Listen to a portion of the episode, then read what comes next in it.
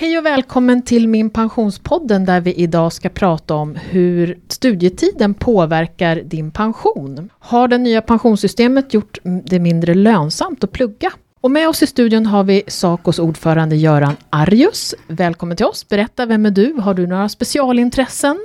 Ja, jag heter som sagt Göran Arjus, jag är ordförande för Saco och ett av mina specialintressen är faktiskt pension, för det har jag arbetat med i nästan 25 år. Mm -hmm. Så det tycker jag är ett väldigt spännande och intressant ämne. Vad är Saco för typ av fackförbund? Vi är ju paraplyorganisationen för Sveriges akademikerförbund. Saco består av 22 stycken professions och fackförbund med olika inriktning beroende på utbildning. Till exempel läkare, socionom, jurist och så vidare. Hur många medlemmar har ni? Eh, totalt har förbunden 700 000 medlemmar ungefär. Oj.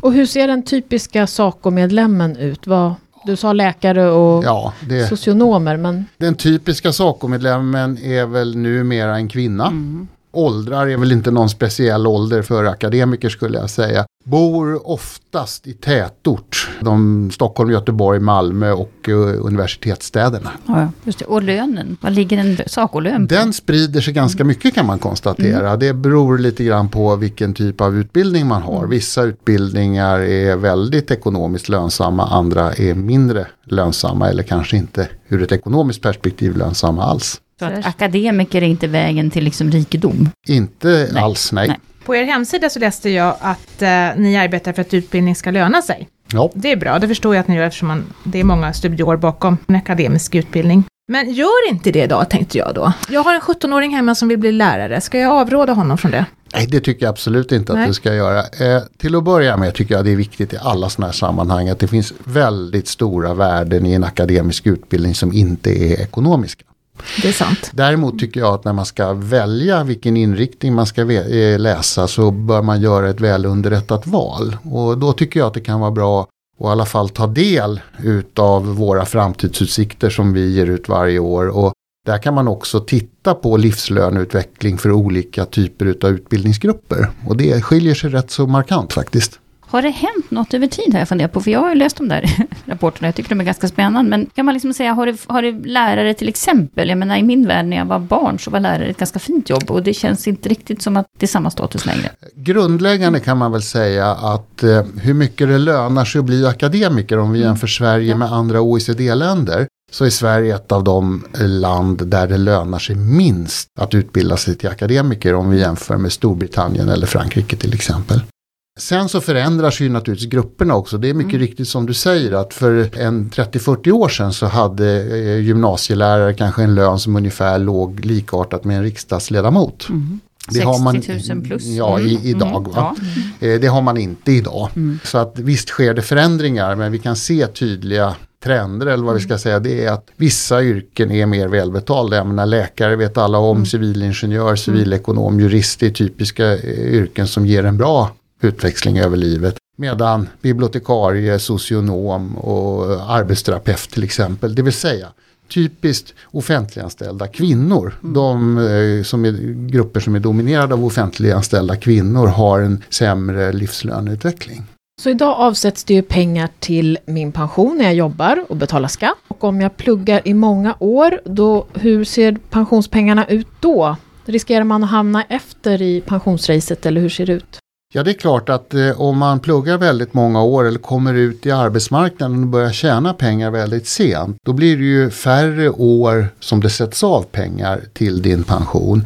Och det är dessutom så att de pengar som sätts av tidigt i livet de kommer ju hinna få en ränta på ränta effekt. Så 100 kronor inbetalt när du är 30 år är mycket mer värt än 100 kronor som blir inbetalda när du är 60 år. Så det, det är viktigt att inte vänta för länge med att komma ut på arbetslivet.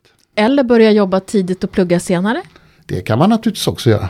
Sen mm. brukar det vara lite svårt att komma igång med ibland, ja, jag det ska förstår. jag säga. Men, men uh, vi ser också att vi pratar väldigt mycket om att man ska jobba längre upp i åldrarna. Vi ser också att vi i Sverige har ett väldigt sent inträde på, på arbetslivet som ligger betydligt flera år senare än de andra länderna i OECD. Och där borde vi kanske också fundera på om vi kunde hitta något sätt att stimulera snabbare ta sig igenom studierna och snabbare komma ut i yrkeslivet. Ja, jag har undrat väldigt mycket varför, varför börjar vi arbeta så sent? Har ni någon förklaring till det? Dels kan det vara lite svårt att få sitt första jobb. Vi ser en viss arbetslöshet emellan färdig utbildning och så vidare. Men jag ställer frågan själv många gånger. Mm. Vad är det det här beror på? Jag menar förut gjorde ju nästan alla killar lumpen. Det var ju ett år. Jo, jo, men ja. det är ju inte så många som gör nu. Mm. Även om vi har börjat igen. Så vi, jag vet faktiskt inte heller vad det är. Men vi kanske mm. borde skapa incitament för att eh, våra studenter skulle komma ut i mm. yrkeslivet lite snabbare. För det skulle ju naturligtvis göra deras pension som vi ska prata om idag mm. bättre.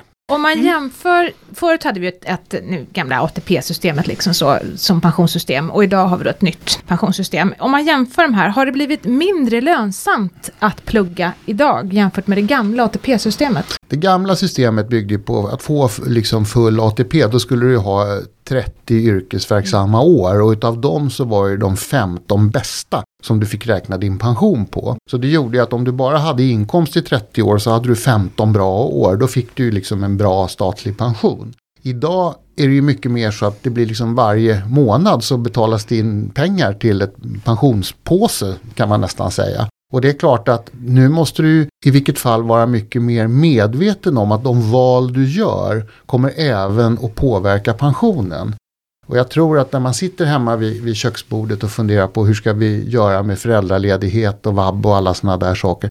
Så måste man faktiskt också ha i bakhuvudet, ja men det här påverkar även pensionen och det kan slå rätt så hårt. Ja, krasset så är det ju så att vi förmodligen behöver jobba 40 år och lite till kanske för att liksom få en pension som motsvarar de där 30 åren som man jobbade förr i världen. Det tror jag nog åtminstone. Och börjar man då jobba vid 30 och då går det ju bara att räkna. Då får man jobba till 70. Ja. Mm.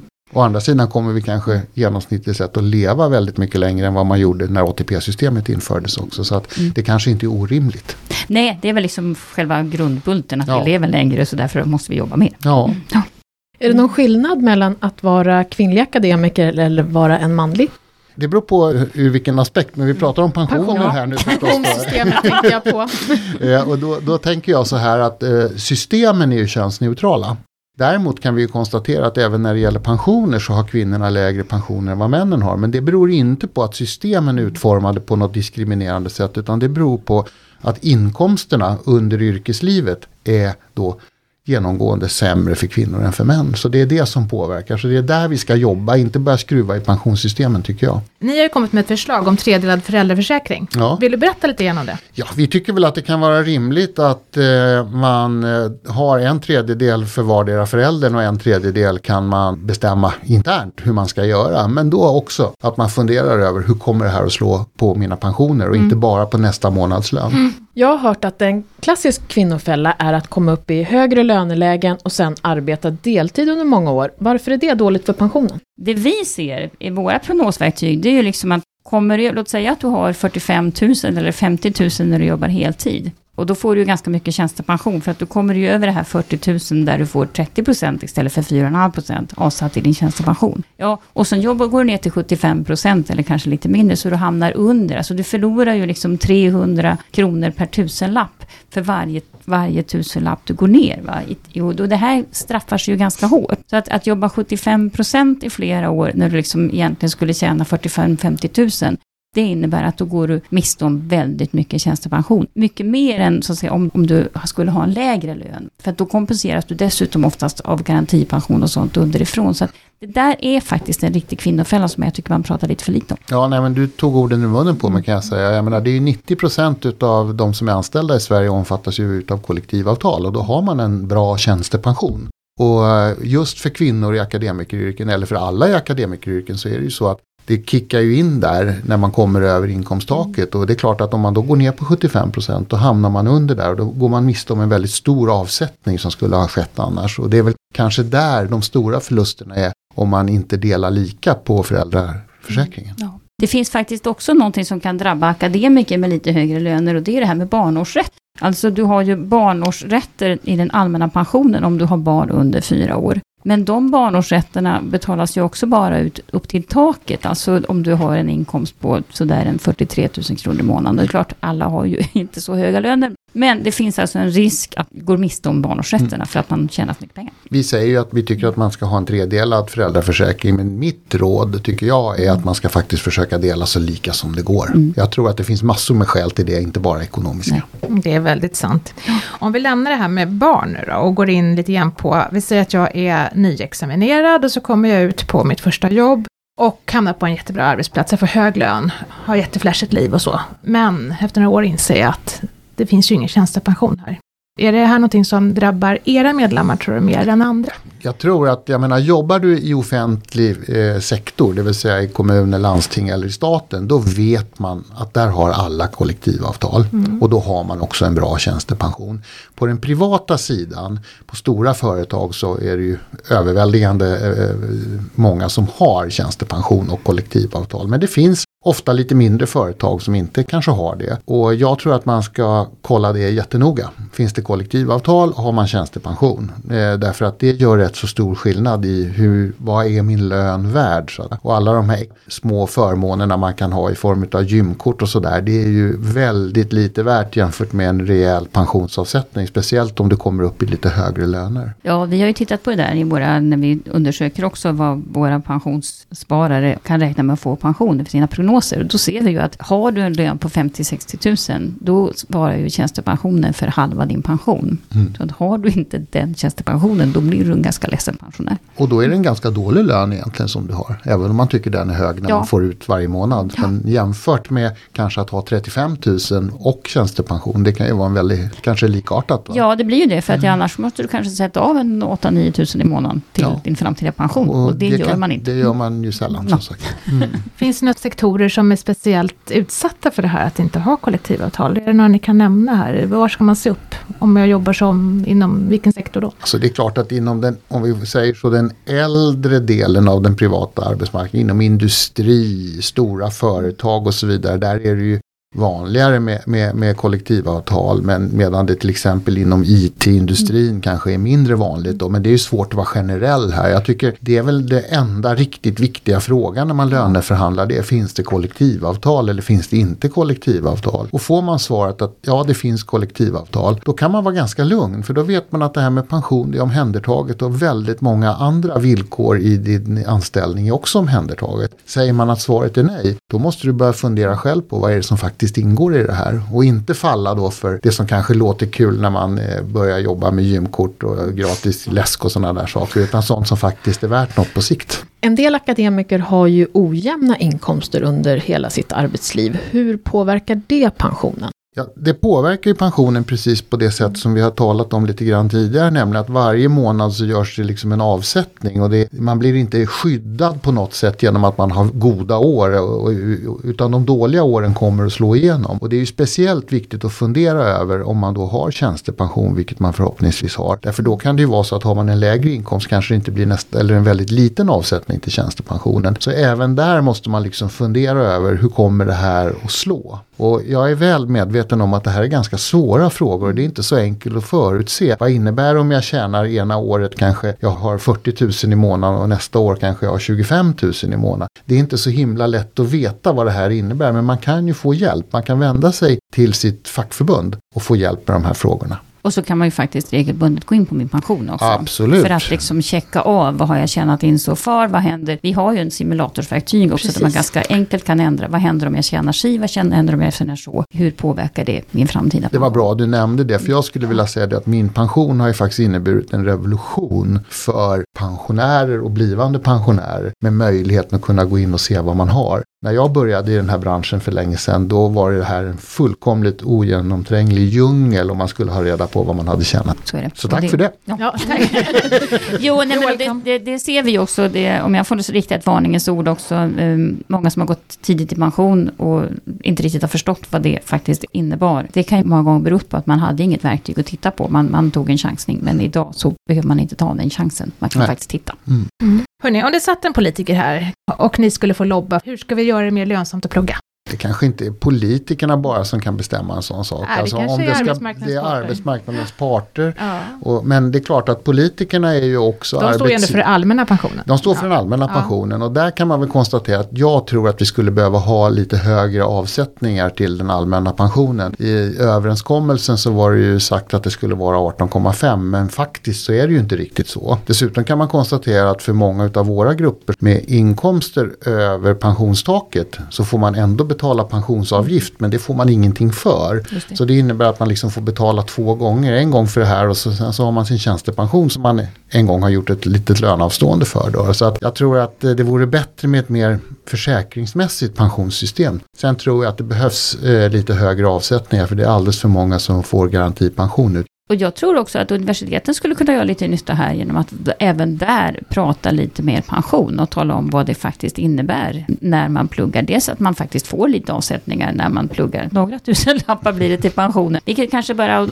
att- nämna det, för att jag menar det skapar ett intresse. Och ändå våga prata pension redan när man liksom under sin utbildningstid. Så att man ser vad är min utbildning värd? Absolut. Sen tror jag att man liksom i allmänhet behöver titta på om vi vill ha kvalificerade, välutbildade unga människor som ska komma in och börja jobba i kommuner och landsting framförallt kanske. Så måste man se till att det blir tillräckligt bra villkor för annars kommer man ju att ha svårt att hitta de här duktiga människorna som vill jobba med de här viktiga arbetena som utförs i kommuner och landsting. Och kanske, men nu är jag lite på hal men, men eftersom vi nu pratar om att man förmodligen under en ar ett arbetsliv kommer att behöva utbilda sig igen, så måste vi också fundera på hur ska pensionsavsättningarna fungera? Exakt. Mm. Där står vi inför stora utmaningar. Om jag är ung och ska utbilda mig, vad ger ni mig för tips då? Vad ska jag tänka på? Jag tycker att man ska välja en utbildning som man är intresserad av och road av. Välj både med hjärta men också med hjärna. Det vill säga gör ett välunderrättat val, läs på, ta kontakt med det fackförbund som svarar mot din utbildning i Saco-familjen och gå in och läs våra framtidsutsikter. För där får du bra information om vad ditt, ditt, ditt studieval kommer att bära med sig för dig. Jag tycker faktiskt att eh, kan man så ska man försöka jobba lite extra. Åtminstone på sommaren. Dels för att skaffa sig arbetslivserfarenhet, vilket jag tror kan vara väl så viktigt som studier. Och för att det faktiskt ger extra pengar till pensionen. Sen tycker jag att man ska ha en plan med sina studier. Och sen har vi ett universaltips då, om man nu faktiskt vill ha mera pengar till sin framtida pension. Och det är att kombinera småbarn med studier. Vi har pratat om det i en tidigare podd. Det är nämligen så att har du barn under fyra år så kan du ju faktiskt få de här barnårsrätterna. Och det motsvarar 75 procent av en genomsnittlig lön i Sverige. Så det kan ju vara mm, ekonomiskt fördelaktigt på många vis. Och jag tror att de val du gör är väldigt viktiga och det är viktigt att du faktiskt försöker sätta dig in i hur kommer de här olika valen att påverka. Dels förstås min lön och löneutveckling men också på sikt hur kommer pensionen att bli. För det finns inget finmaskigt skyddsnät längre som tar hand om dig. Nej, och kanske också som det sista, men det, när man är ung så har man ju livet framför sig. Men det är ju bra om man har en utbildning där man orkar jobba länge. Ja, det går fort att bli gammal tycker jag. Ja, det gör det. Och om jag är nyutexaminerad och precis har börjat jobba, skiljer sig råden då på något sätt? Första frågan när du ska börja jobba om du är intresserad och man börjar prata om löner och så vidare. Då är det, finns det kollektivavtal på den här arbetsplatsen eller inte? Det tycker jag är den viktigaste frågan. Och jag tycker faktiskt att när man går från att ha plugga och leva på nudlar och så får man sin första lön, det är då man ska börja spara. Yes. Innan man har vant sig vid den här liksom fantastiska rikedomen. Kan man få ett sparbeteende, att ha en extra buffert, det är ju bra både i livet, alltså medan man faktiskt jobbar och lever och får barn och familj och allt vad det är. Men kanske också för att man får ett sparbeteende så man har en buffert när man blir gammal. Det är jättebra. Och så ska man självklart, när man har fått sin första lön och har en inkomst att jämföra med, göra en prognos på min pension. Mm, det ska man göra.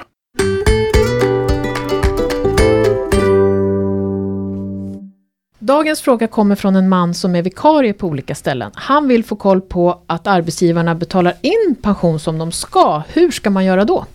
Han bör nog kolla, alltså, först så får han ju faktiskt fråga på sin arbetsplats om det, det finns ett kollektivavtal. Det har vi ju pratat om hela tiden. Eh, den allmänna pensionen är ju inget problem, för den är ju kopplad till det man deklarerar, så att det sköts per automatik. Eh, sen tar han reda på då var arbetsgivaren faktiskt betalar in de här pengarna, till vilken valcentral, om det är Collectum eller Fora eller någon annan valcentral. Eh, och då går det faktiskt att stämma av där och se till att pengarna faktiskt har kommit in. Och det bör man faktiskt göra. När du har jobbat länge ska du gärna göra det också och kolla att du verkligen har fått med den här löneförhöjningen och annat, för att här slarvas det en del. Du har lyssnat på Min Pensionspodden, där vi idag har pratat om dagens pensionssystem, gör det mindre lönsamt att plugga. I programmet har du hört Göran Arjus, ordförande i Saco, Kristina Kamp, Maria Eklund från Min Pension och så jag, Ulrika Loeb. Nya poddavsnitt publicerar vi var 14 dag och de kan du höra på Soundcloud, iTunes, Acast. Och frågor ställer du till podd minpension.se. Tack för att du har lyssnat idag. Vi hörs igen. Hej då! Hej då! Tja, tja. Hej!